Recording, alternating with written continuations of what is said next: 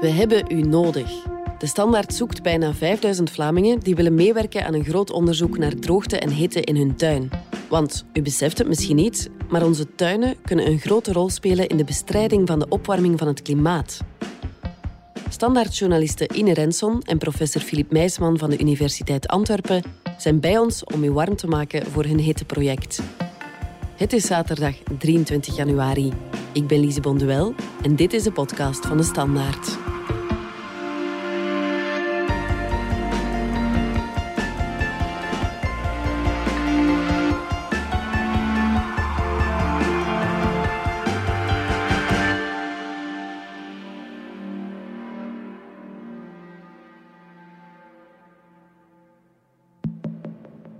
Ine Renson, jij was voor onze krant de drijvende kracht achter Curieuze Neuzen 1, het grote burgeronderzoek naar de luchtkwaliteit in de straat. Je hebt de smaak te pakken? Ja, precies wel. Um, Curieuze Neuzen Vlaanderen was inderdaad het grootste burgeronderzoek ooit naar luchtkwaliteit, waarbij 20.000 Vlamingen de concentraties van stikstofdioxide in hun straat hebben gemeten. Ik heb daarvoor heel intens samengewerkt met onder meer de Universiteit eh, van Antwerpen. Dus Filip mhm. Meisman van de Antwerpse Universiteit heeft dat hele project toen getrokken. En in de nasleep uh, daarvan, we waren nog de resultaten aan het verwerken, er kwamen opvolgstudies enzovoort, hing ik met uh, Filip aan de lijn en eh, we waren ook zo eens aan het bespreken van ja, komen er eigenlijk nog opvolgverhalen of opvolgstudies.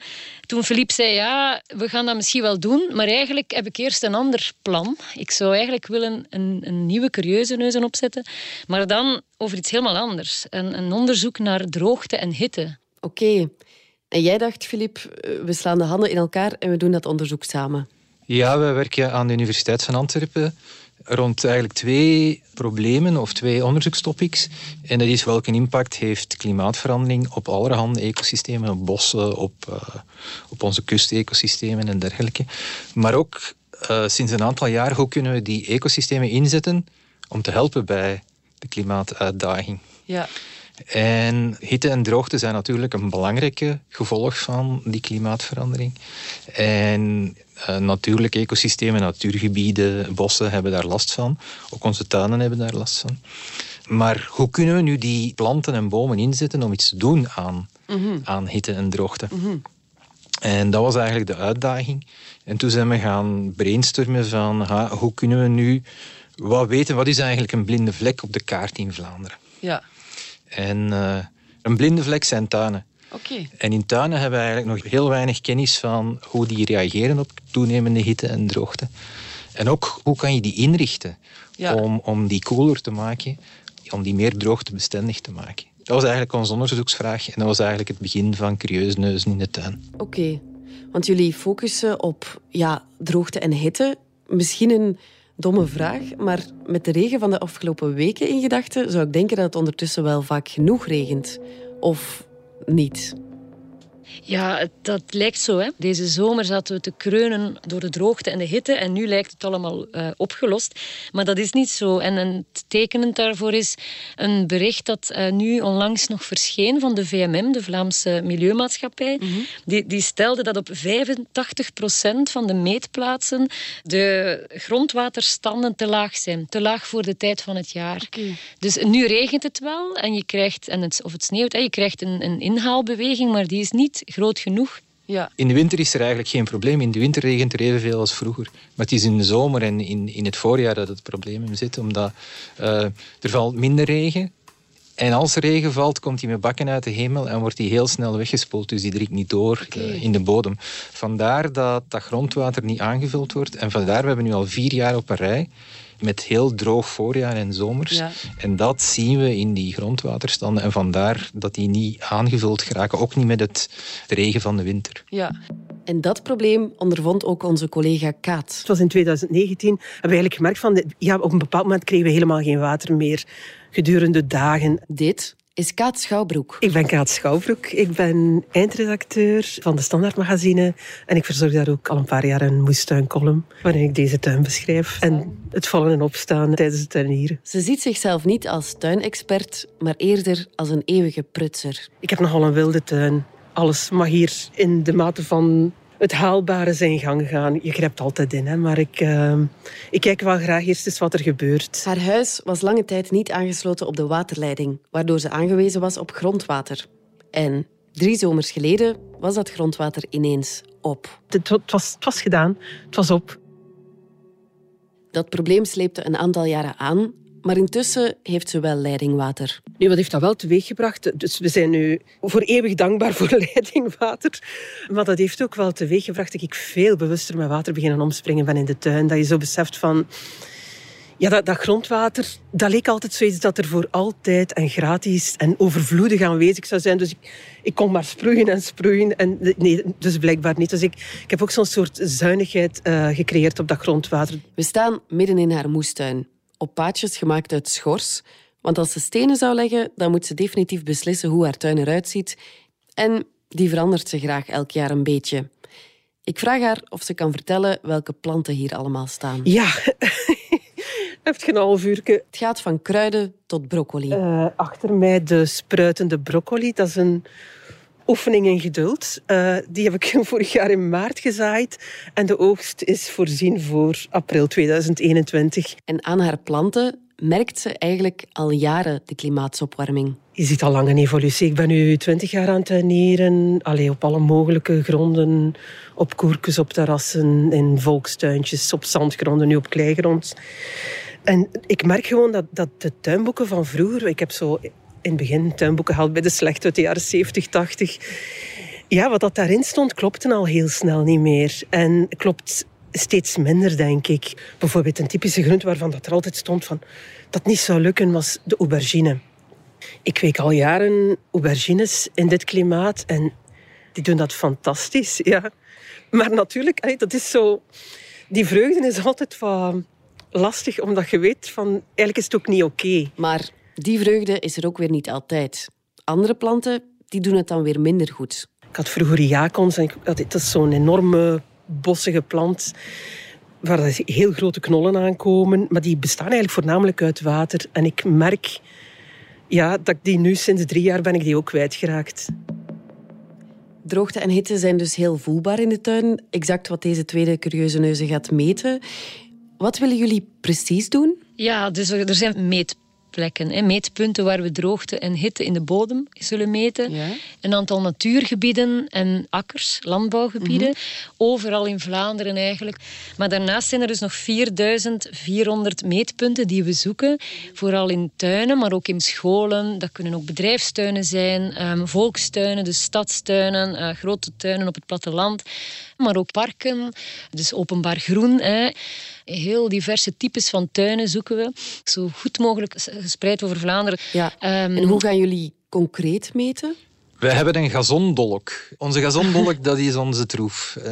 En dat is eigenlijk een, een slimme bodemsensor. Die stop je in de bodem, in de grond, in het gras. Dus we gaan allemaal meten op een eh, centrale grasplek in de tuin. En in het midden van die grasplek ga je die slimme bodemsensor in de grond stoppen. Ja? Die meet het vocht in de bodem, hoeveel vocht er is. En die meet op drie plekken ook de temperatuur. Op 8 centimeter net aan het oppervlak en op 15 centimeter boven het oppervlak. Ja. Maar dat is een slimme bodemsensor, dus die, je hebt daar geen onderhoud aan en je moet daar ook de data niet uh, uithalen. Die zendt uh, zelf zijn data door okay.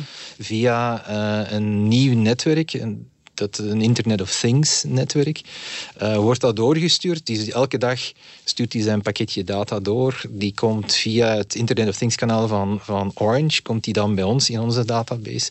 Ah, ja. Wij kijken naar die data, wij controleren die data, we maken een aantal berekeningen over hitte, stress en droogtestress. En dat krijgt elke deelnemer dan in zijn persoonlijk dashboard te zien. Dus hij kan zelf eigenlijk live de metingen opvolgen in zijn tuin. Oké. En hoe ziet die dolk eruit? Want je hebt er ook een meegebracht. Kan je anders eens beschrijven hoe die eruit ziet? Het is een hele... Ah, het is een hele lieve dolk. Hij heeft dus een, een, een groen lemmet. En dat is dus eigenlijk de vochtsensor. Dus daar, daar wordt het vocht gemeten. En dan heeft hij eigenlijk een buisje. Als je in de grond stopt, ziet eruit als een soort grote champignon die in je, in je gras staat. Die is ongeveer 10 centimeter hoog.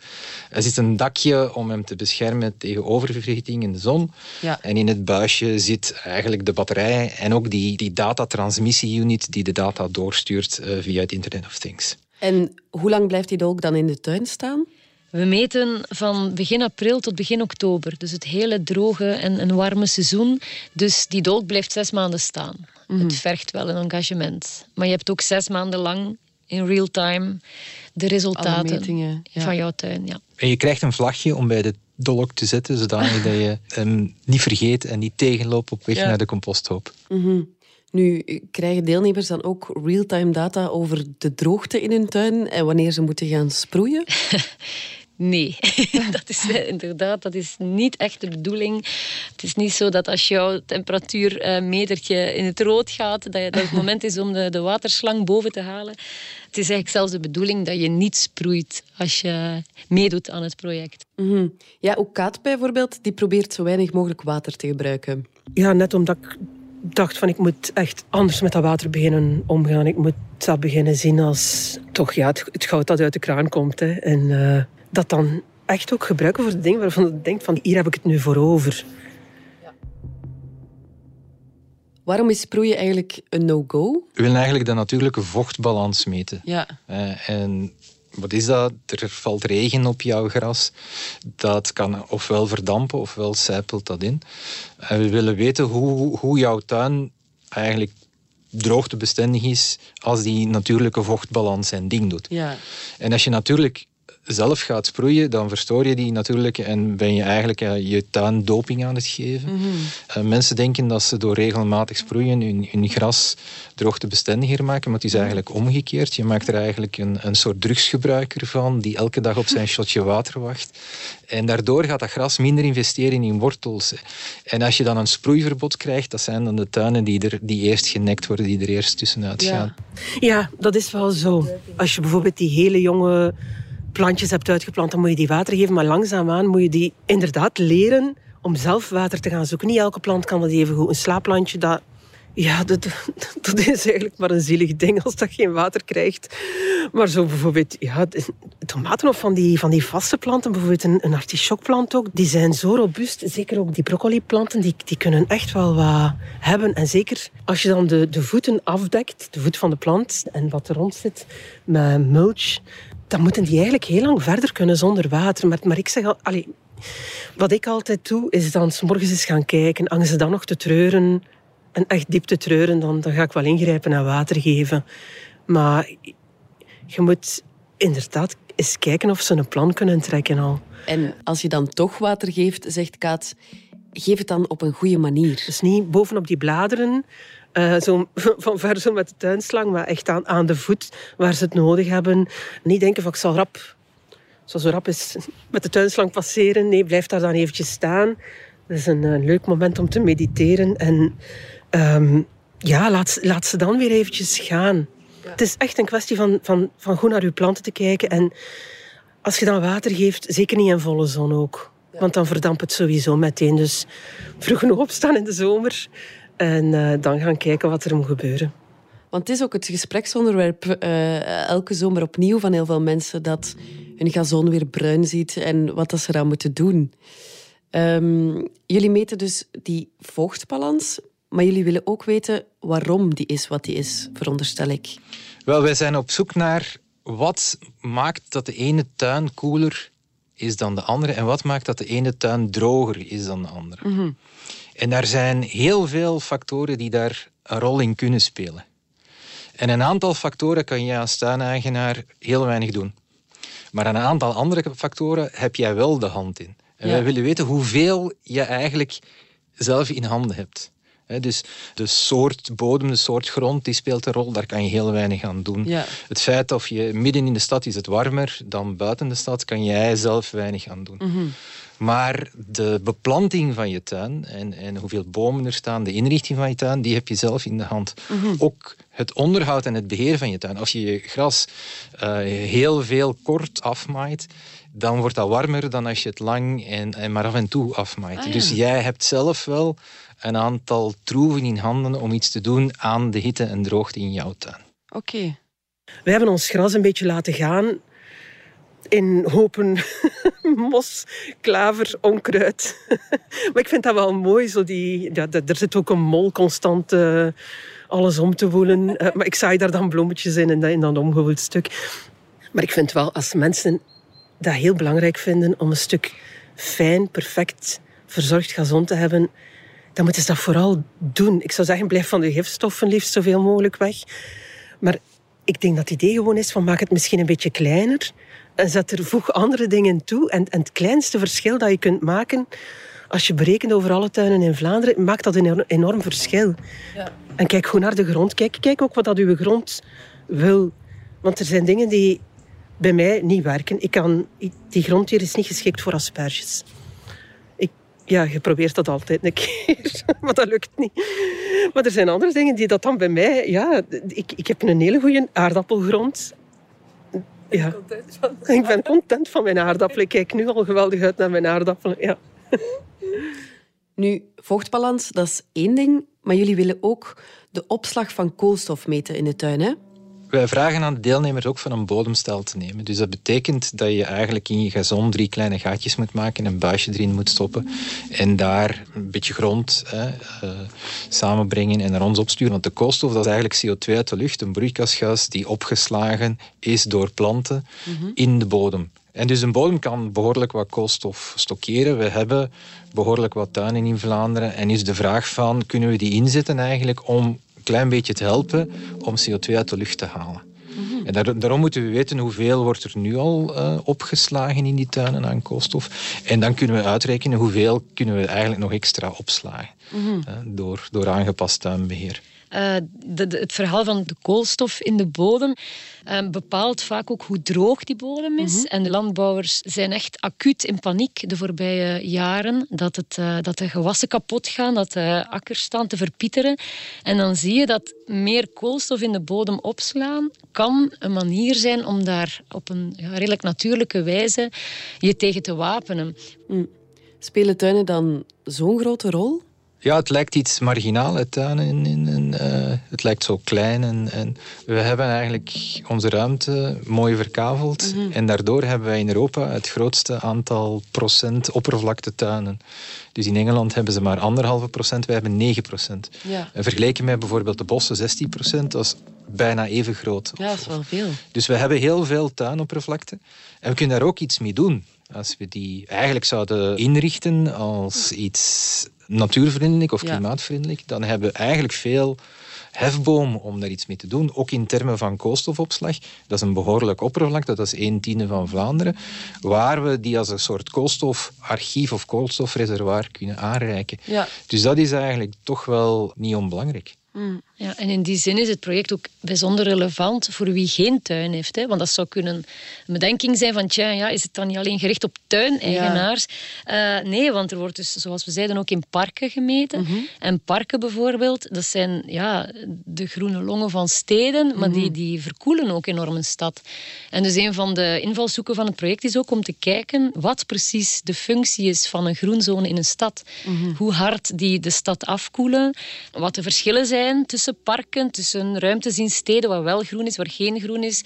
Zie je verschillen tussen steden. Dus dat is allemaal heel belangrijk in de toekomst als we gaan nadenken hoe we onze steden gaan inrichten.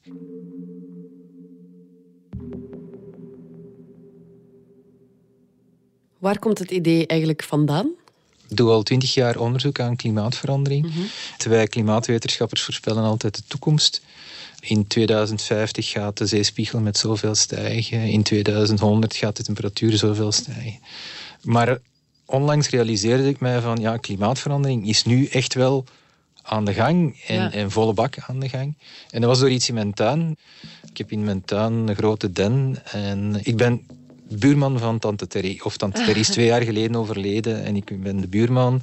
En in onze tuin, in die grote den, komt af en toe een eekhoorn langs die zijn nest daar maakt. En dat is, we noemen die kraakje naar, kraakje naar de eekhoorn van tante Terry. En dus vorig jaar is die den uh, verdroogd en heeft hij de geest gegeven. Dus de grote den met het eekhoornnest erin is afgestorven en is er niet meer. Dus Kraken is dakloos uh, geworden. Maar toen realiseerde ik mij van, oké, ja, klimaatverandering is echt wel hier en nu aan de gang in mijn tuin. Uh, dus mm -hmm. dat is bij mij eigenlijk wel heel concreet de aanleiding ja. geweest om ook dit project uit te rollen. Ja, want dit project is ook om mensen te overtuigen van de urgentie ervan. Hè? We gaan actie moeten ondernemen. Mm. En we kunnen dat op van alle niveaus doen. Je kan het op, op het hoogste Ursula van der Leyen niveau doen met de Green Deal. Je kan dat op Vlaams niveau doen met een klimaatplan te maken en hopelijk uit te rollen. Ja. Je kan dat op gemeenteniveau doen, maar je kan ook op je eigen niveau doen. Want jij, jij bent meester over je eigen tuin. En jij kan ervoor zorgen dat die tijdens de hittegolf, die we meer en meer gaan meemaken, dat die toch nog aangenaam blijft om daar een boek te lezen. Ja. En dat heb jij in handen. Ik denk dat elke tuinier weet dat er iets dramatisch aan het veranderen is. Je voelt dat aan alles. Ik heb ook jaren dat ik echt bijna loop te zoeken naar de bijen. Of toch naar sommige bijensoorten. Maar uh, ik vind het wel een uitdaging om niet triest te worden in de tuin. Om er de vreugde van te blijven zien. Omdat je zoveel ziet veranderen. En dat doet pijn. Ja, het is de grote verdwijning. Er verdwijnt heel veel biodiversiteit. Ook in kleine tuinen. En ik denk dat dat de moeite loont om dan op dat klein niveau toch te proberen van daar dat klein verschil te maken. Je hebt er ook wel baat bij om daar iets aan te doen in je eigen leefplek. Hè? Om, daar, om die anders in te richten. En ik denk ook dat we, dat we ons daar gewoon veel te weinig van bewust zijn. Mm. Dus ja, we weten dat allemaal niet. Hè? Dat het inderdaad een achterhaald concept geworden is, zegt Filip altijd daarover, van, om gras af te maaien elke zaterdag en het zo kort mogelijk te houden en om onze voortuinen uh, volledig... Dat is ook zo de Vlaamse obsessie voor een stuk met onderhoudsvriendelijke tuinen. Als je in de gemiddelde Vlaamse gemeente rondrijdt, moet je eens echt rondkijken en je ziet al die kiezels, je ziet die, die tegels, die verharde opritten. Hè. Dat is hoe wij het doen. Hè. Ja, en dat is ook handig. Daar staan dan de wagens op. En, maar dat is een concept dat ons niet meer zal dienen in de toekomst. Nu, stel dat ik wil meedoen aan het onderzoek, wat moet ik dan doen? Ja, dan kan je, je jezelf je tuin inschrijven. Hè. Je kan je aanmelden op www.standaard.be slash curieuzeneuzen. Ja. Daar kan je doorklikken naar een aanmeldingssite, een platform waar je uh, een aantal gegevens nalaat over je tuin. Uh, er zijn een paar voorwaarden. Je moet uiteraard gras hebben, een beetje gras. Minimum een doorsnede van twee uh, meter. Dus rond de dolk moet er overal zeker een meter gras beschikbaar zijn. En dan moet je, en eh, dan, zoveel moet je dan echt niet doen. Een aantal vragen beantwoorden over je tuin. Mhm. Ehm, bereid zijn om dus niet te sproeien, zoals we zeiden. Mhm. de, de robotmaaier moet eigenlijk ook aan de kant. In die zin toch dat op de plek waar die dolk staat, daar mag geen robotmaaier overheen uh, rijden. Want dat, is, dat loopt slecht af anders. We hopen op veel meer inschrijvingen dan 5000. Hè. En als wetenschappers gaan ons dat blij maken. Dat maakt ons blij, omdat we dan eigenlijk de beste locaties kunnen kiezen. We willen eigenlijk dat die tuinen representatief zijn voor gans Vlaanderen. We willen diversiteit in tuinen. En mm twee, we willen geografische spreiding in Vlaanderen. Dus dat zijn de twee belangrijke selectiecriteria. Mhm. En stel nu, ik woon bijvoorbeeld in Brussel. Kan ik ook meedoen? Nee, het zijn tuinen in Vlaanderen. Ja. En de reden daarvoor is dat we uh, kaartmateriaal en satellietmateriaal gebruiken. En België is federaal georganiseerd. En dat materiaal, die informatie, die kaarten, die achtergrondinformatie is beschikbaar voor Vlaanderen. Dus dat is de reden waarom we ons beperken tot uh, Vlaamse tuinen. Maar we hopen ook dat dit een demonstratieproject is. En we hopen dat ook in Brussel, in Wallonië en ook elders in Europa later uit te rollen. Met dezelfde technologie en dezelfde aanpak. Ja. Trouwens, um, Curieuze Neuzen Vlaanderen, dus de luchtkwaliteitsmetingen, mhm. zullen ook een Brussels vervolg kennen. Hè. Tegen het einde van het jaar zal er ook een Curieuze Neuzen Brussel gelanceerd worden voor luchtkwaliteit in de Brusselse straten. Dus dat komt dan wel achteraf. Kan helaas niet tegelijkertijd. Mm Ik ben benieuwd. Ine Renson, Filip Meisman en Kaat Schouwbroek, dank je wel. Dit was de podcast van De Standaard. Wil je deelnemen aan Curieuze Neuzen in de tuin? Schrijf je in via de app DS Nieuws of op standaard.be-curieuze neuzen. Alle credits van deze podcast vind je op standaard.be-podcast. Maandag zijn we er opnieuw.